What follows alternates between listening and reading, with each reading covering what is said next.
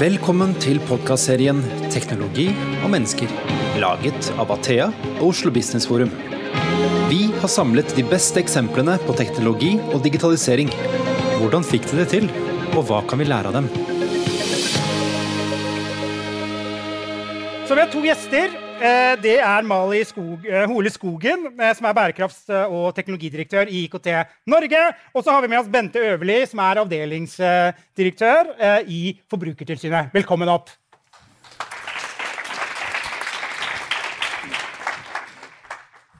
Jeg sank veldig langt ned i stolen her. jeg. Ja, det gjorde jeg også. Dere har fått sånn finn.no-møblement. Så bra. Skal bare mangle. Skal bare mangle. Eh, jeg tenkte vi skulle starte med deg, Bente. fordi eh, eh, Åpenhetsloven eh, kommer jo nå, 1. juli, Og så er det sikkert en del som eh, kanskje har lest sånn eh, røftlig om det. Eh, men hva er egentlig åpenhetsloven? Altså Det er en lov som kommer nå, som gjelder da for både store, helt store bedrifter, men også mellomstore bedrifter. Eh, det er nesten 9000 i tallet, vil vi tro.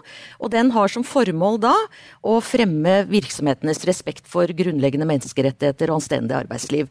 Og det eh, når det gjelder da produksjon av varer og tjenester. Og det skal man gjøre gjennom noe vi sikkert kommer til å prate mer om her. Eh, aktsomhetsvurderinger, som er en metode for å vurdere risiko. Og så skal man gjøre det gjennom å være åpen om hva man faktisk gjør, ved å gi informasjon til de som spør om det. Åpenhetsloven, selve begrepet, sier litt om at alt det man driver med, det skal være åpent, sånn at investorer, forbrukere, media, alle skal kunne titte på hva virksomhetene gjør, sånn at dette skal være helt fritt frem. Og det skal da medføre at det blir bedre med hensyn til produksjon av varer og tjenester når det gjelder menneskerettigheter og anstendig arbeidsliv. Det er formålet. Mm. Og Vi skal dykke ned i noen av de tingene du løfter her. Men eh, Mali, hvorfor er denne loven så viktig? Den er viktig av mange grunner, men det ene er jo at eh, for oss som er forbrukere, eh, eller alle selskaper som skal kjøpe varer og tjenester, så er det vanskelig å finne ut om alle deler av en, f.eks. en PC som eh, vi, oss i IT-bransjen representerer, for å bruke hardware, består av veldig mange forskjellige deler, rundt 1500 deler i en, eh, en vanlig PC. Hvor kommer alle disse metallene fra? Og veldig mange ganger så skal vi gjennom mange ledd, og så skal vi opp i ei gruve et eller annet sted i verden. Og gruveindustrien er jo ikke akkurat kjent for å være den mest bærekraftige i eh, verden. Så det er vanskelig å holde oversikten, og det er vanskelig å ta, eh, ha nok data, forståelse, innsikt, kunnskap til å ta riktige og gode valg. Og det er helt grunnleggende for å kunne gjøre noe som helst bærekraftig. Så jeg tenker at Den er viktig både fordi vi får transparens og muligheten til å ettergå dette i sømmene. Og det skulle bare mangle, altså, for det er snakk om helt grunnleggende menneskerettigheter eh, og arbeidsforhold her. Og eh, det er mange mange deler av IT-bransjens eh, materialfotavtrykk og ikke minst energifotavtrykk som har en lang vei å gå på dette området her. Så selv om du er blant de største bedriftene i Norge som dette rammes direkte på, så er det veldig mange andre bedrifter som også rammes fordi de er en del av en verdikjede. Så her er det eh, noe for hver og en av oss, både for forbrukerne, som får muligheten til å ta riktige valg. Eh, du kan bruke din makt som innkjøper, enten du er en bedrift eller privatperson, til å kunne gjøre dette mer bærekraftig. Og så er det det tilgangen, innsyn, eh, data som gjør dette mulig da, å, å dra verden i den retningen. Det skulle bare mangle at vi går i. Og, og det er noen krav her, eh, Bente. Eh, du var så vidt innom det i stad. Ja. Men hvis du skulle liksom dra de viktigste tingene Ja. som virksomhetene nå må forholde seg til, hva er det? Ja, det er, det er slik at Mye av disse tingene har jo vært anbefalinger allerede gjennom OECDs retningslinjer. bare for å si det, for det er Noen som tror at dette er litt sånn hokus pokus, helt nytt. Eh, det er jo mange som har metodikken inne allerede, men det er noen krav. Og det er at eh, virksomhetene skal foreta da eh, rett og slett disse aktsomhetsvurderingene, som, som det heter. Og det er en metode for å vurdere risiko. Risiko for hva, som, som du nevner, ikke sant? Altså risiko for hvor er det de største farene for at ikke grunnleggende menneskerettigheter overholdes i den produksjonen man selv driver, eller underleverandørene driver. Eh, I tillegg så er det eh, Det er jo det som er på en måte det grunnleggende arbeidet. Men så er det også en annen del i loven som egentlig det hele startet med på mange måter. Og det var at eh, forbrukerne og interesseorganisasjoner, alle egentlig i allmennheten, kan nå komme til virksomheten og si 'jeg vil ha informasjon' om hva slags risikovurderinger dere foretar, hvilke eh, retning dere tar dette, og hvordan, hvilke krav dere stiller til underleverandørene deres. Og den delen, disse to delene, det er nok eh, mest krevende med aktsomhetsvurderinger, selvsagt. For da skal man kartlegge. Man skal kartlegge alle underleverandører. Hva er de største risikoene? Man skal da foreta disse vurderingene. Og så skal man gjenopprette. Altså det er en stor prosess. Eh, men informasjonskravet det er nok det som kanskje treffer bedriftene først, vil jeg tro. Eh, også innenfor denne bransjen her på IKT. Eh, fordi fra 1.7 så er det slik at alle skriftlige henvendelser man får Det kan være en avis som ønsker å dypdykke i et eller annet man foretar seg. Eller det kan være en forbruker som kjøper et produkt og tenker hva i all verden, jeg vil gjerne vite om jeg skal ta dette eller dette produktet, og da vil jeg vite hva bedriften gjør. Da kan de sende en skriftlig henvendelse til bedriften og si jeg ønsker åpenhet, jeg ønsker informasjon om hva dere faktisk gjør. Det skjer uh, allerede til sommeren. 2. juli. Uh, det kan vi snakke litt mer om, for der har jeg noen tips. Jeg tenker Det bør man også virkelig ta inn over seg. At det, om det smeller da med 7000 henvendelser, eller om det bare er to, det vet vi ikke. Heller ikke vi som tilsynsmyndighet. Ja. Og jeg tenker, Det er jo ikke lenge til. Uh, Bente, er det sånn at du må ha svarene med en gang? Man skal ha noen svar. Altså, Utgangspunktet gjelder jo loven fra 1.7. Og man har visst om dette lenge. Og som jeg sier, det er jo allerede mange bedrifter som har mye av denne metodikken inne. Kanskje ikke på informasjonsdelen. Eh, sånn at eh, man skal ha en start. Og det som er litt viktig å tenke på, er at dette er ikke noe quick fix. Dette er ikke noe man gjør én gang. Dette er en kontinuerlig prosess. Hele tiden vil risikobildet endre seg, leverandørene endre seg. Eh, sånn at man skal komme i gang, og man skal ha en bevisst forhold til det. Og det har i grunnen bedriftene visst visst ganske lenge at dette kommer som et krav. Men internkontrollsystemet for hvem er det som skal åpne den, det brevet hvis det kommer fysisk, eller ta imot den henvendelsen på e-post, hvem skal svare ut? Hva skal man svare ut? Det er nok en ganske stor jobb som kanskje noen ikke har på plass enda, og lurer fælt på hvordan de skal få til. Mm. IKT Norge har jo en svær medlemsbase. Er det desperasjon i medlemmene dine, eller hvordan går det der? Ja, det er, litt, det er faktisk litt uh, riktig, det, altså. Ja. Um, nei, uh, for um, kanskje ti måneder siden så begynte telefonen å ringe og, og, og liksom e-posten å komme. da. Og de kom fra hele verden. De kom fra Hva er det som foregår i Norge nå? Hvorfor, hvordan kommer dette til å ramme oss? Um, hva, hvilke, hvor er veilederen fra myndighetene? Hvor stor blir boten hvis vi ikke greier å få dette på plass? Og det er München og New York og Japan og Kina. Alle ringer for å prøve å få liksom, innsyn i hva som foregår. Mm. Og det er, det er, ikke det at Norge er en særstilling her. EU kommer med sitt eh, eget rammeverk eh, veldig snart i år. Eh, som er kanskje enda strengere enn det norske, for det jo inkluderer liksom, miljøhensyn. Men eh, det er klart at ehm, hvis vi skal lykkes det, det er ingen tvil om at dette er den riktige veien å gå. Og at det er avansert og vanskelig og kostbart. At det koster eh, masse timer investert blant ansatte, mye kunnskap, og òg en, del investering i teknologi, sannsynligvis, på sikt. Jo mer komplisert verdikjede, jo mer bør egentlig sånne ting eh, gjøres transparent gjennom teknologibruk. Men eh, det er en bred enighet om at dette er noe vi egentlig ønsker velkommen. Så vet vi ikke helt hvordan. Vi er ikke helt sikre på liksom, hvordan det kommer til å ramme med en gang. Men det er en bransje som ønsker dialog og samarbeid med myndighetene. Og det handler om at eh, dette er jo noe som må skje. Vi kan jo ikke ha et, en, en, tilstand sånn som den er i dag, hvor vi ikke vet om vi indirekte eh, liksom, eh, betaler en diktator, eller støtter opp et regime, eller betaler for barnearbeid, eller det som det reelt sett er snakk om her. Og Norge står jo i en spesiell situasjon, fordi eh, vi er en nasjon som vurderer å begynne for med mineralutvinning i havbunnen. Det har konsekvenser for IT-bransjen. Eh, vi har diskusjoner om Repparfjorden. Vi har eh, diskusjoner om å opprette et statlig gruveselskap i Norge. Så det er mange av disse tingene som har en høy aktualitetsverdi her eh, hos oss. Som handler om selvfølgelig etterspørselen etter metaller som inngår i digitalisering og elektronikk. Så når bransjen skjønner at dette er et ansvar vi blir nødt til å ta, vi ønsker å komme myndighetene i møte og finne løsninger på dette som vi, ikke, som slipper liksom, mye unødvendig tidsbruk på begge sider her. Men det andre er at dette lykkes bare hvis både næringslivet lykkes og myndighetene lykkes. Da får vi brukt dette verktøyet som det jo reelt sett er, til å drive verden eh, under anstendige arbeidsforhold mm. og, og så videre. Mm. Det kan bli smertelig dyrt. Det kan bli smertelig kostnadskrevende å få inn nok kompetanse, fordi dette må pløyes opp. Men det håper jo vi på. At mm. en proaktiv bransje eh, som er gira på å få det til, eh, får gode samtaler med dere. Da.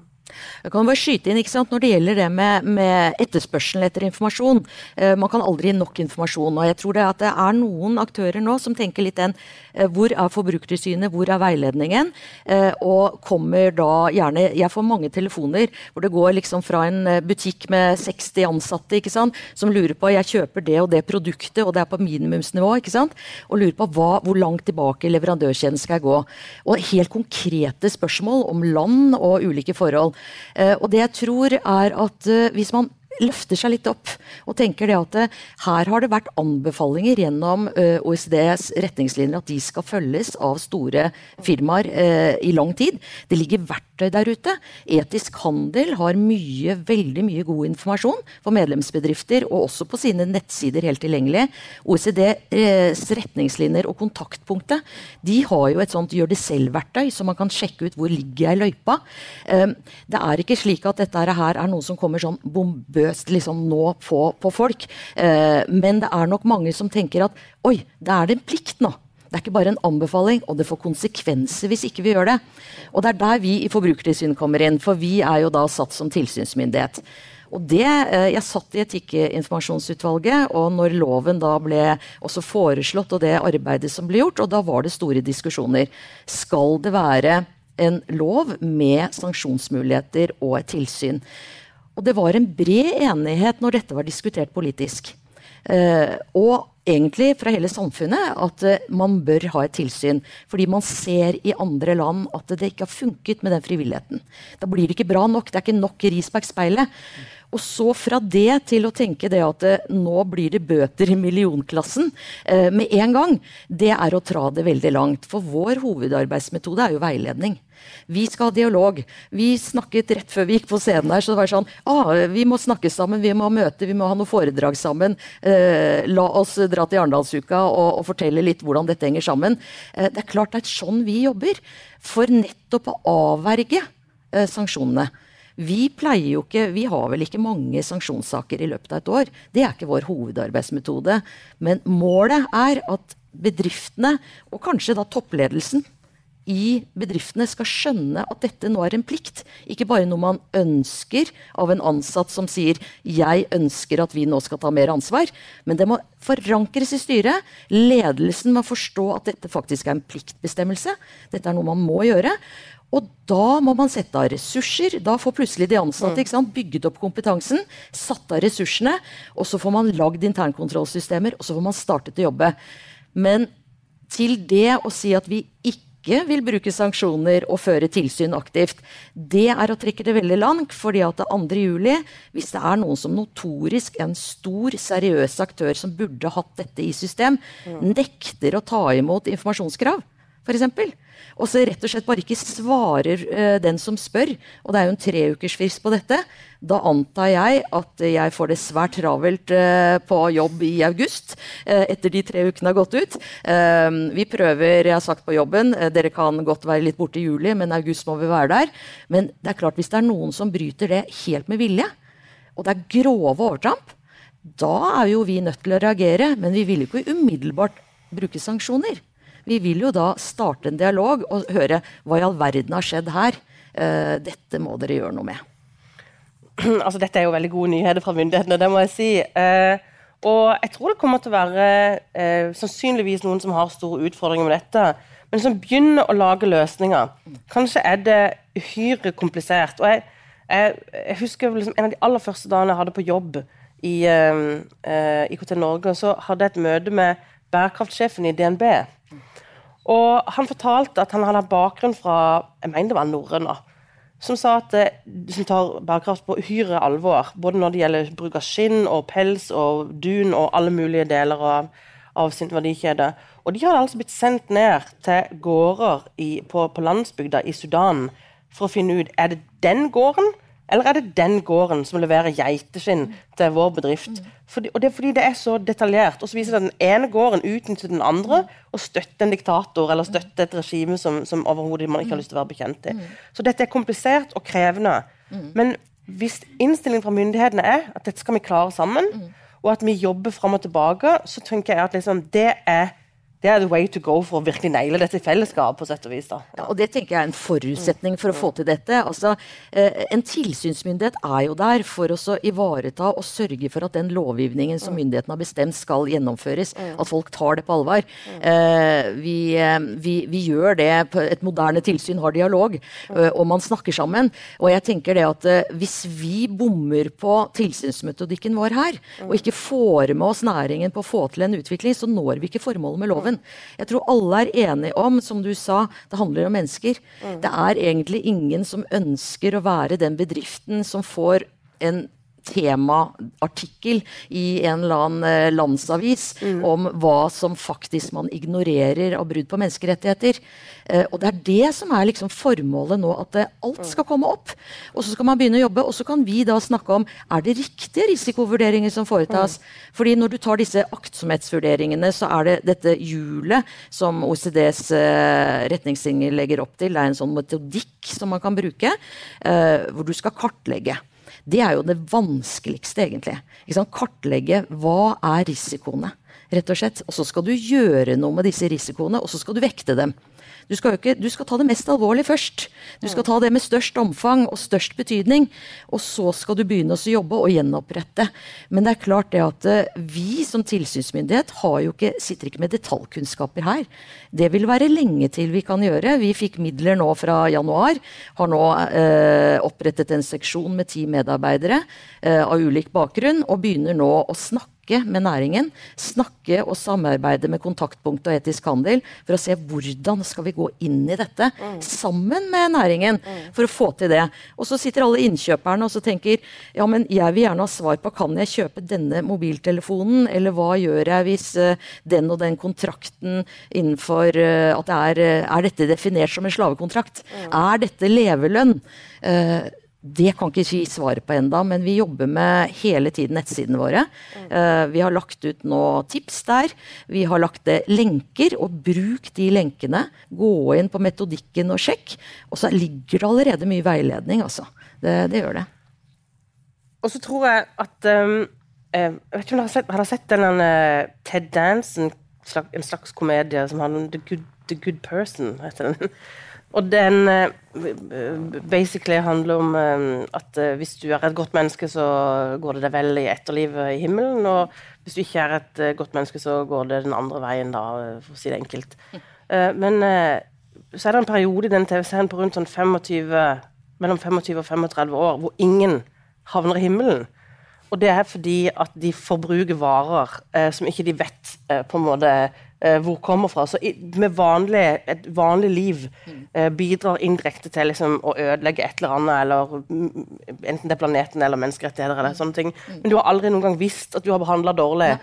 Og, og, det er jo det dette handler om, at vi skal prøve å vri dette mulig, ja. gjøre det mulig ja. å få, få, det, eh, få, det, på plass. da. Og selv om det er liksom massivt, så tenker jeg at eh, vi blir nødt til å starte den prosessen jo før, jo bedre. Liksom. Bruk det som konkurransefortrinn. Jeg tenker det at uh, bare rekruttering Jeg hadde en diskusjon uh, i går i forbindelse med noe, uh, og det var faktisk innenfor denne bransjen her. hvor skal man begynne å jobbe? Hva, hva, er det mest, mest, attraktive stedet å begynne å jobbe? jo, det er de som har bevisst forhold til dette. åpenhet er da viktig. ikke sant? Hva er det vi faktisk gjør?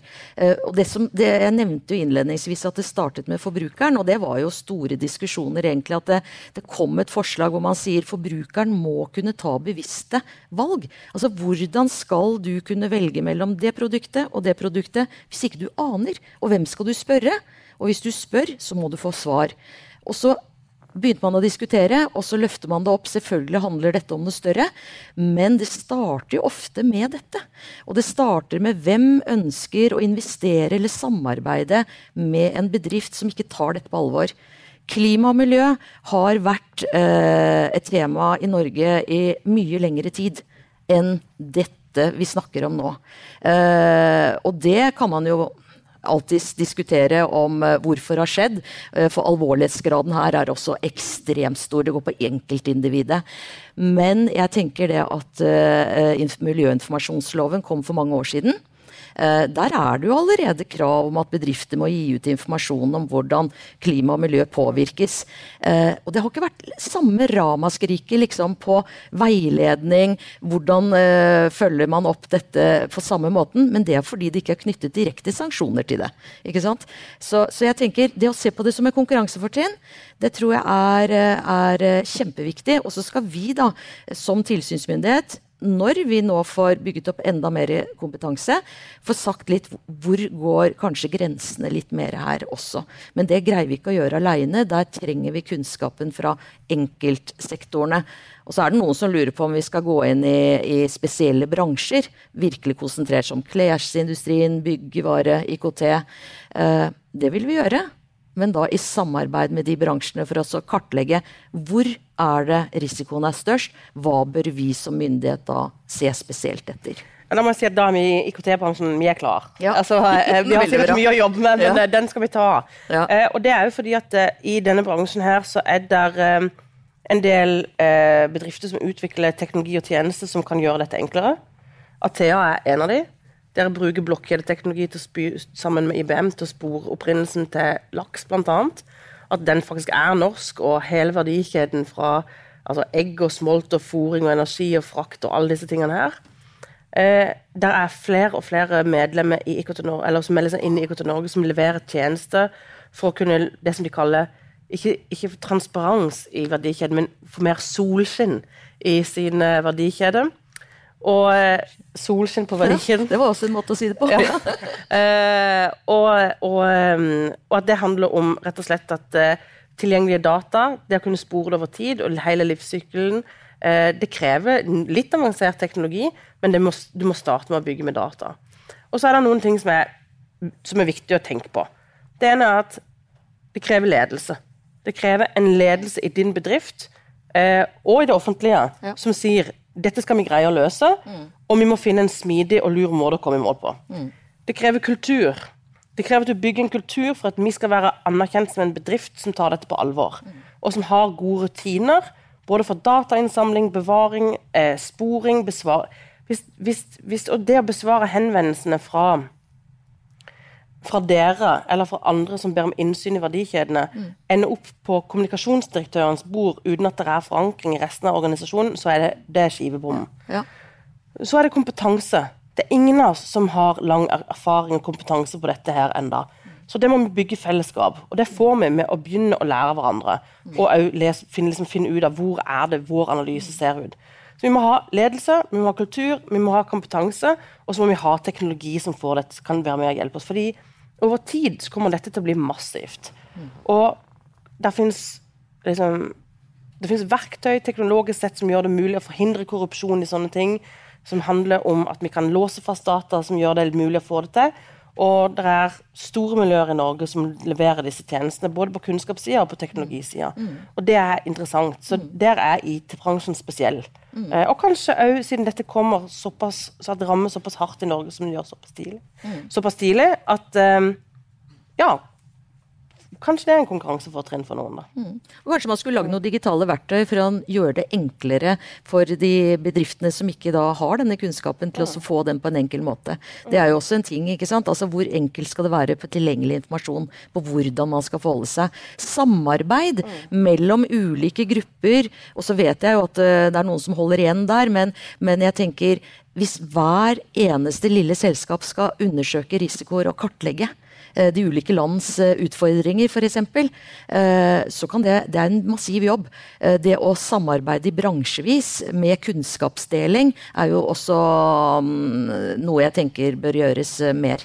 Men de som kommer på toppen av dette systemet og får naile dette tidlig, de har en åpenbar konkurransefordel, mm. Mm. og de vil òg ha makt til å, å, trekke på sine konkurrenter. Mm. Uh, og, og, og, det er selvfølgelig lett å si fra en scene i en podkast uh, mm. mm. om åpenhetsloven før den har tredd i kraft, og før vi vet hvordan det spiller seg ut. Mm. Men det er i hvert fall høy, hvis ikke man har tenkt på det nå, så er det på høy tid å begynne å rigge seg for den slags type konkurranse.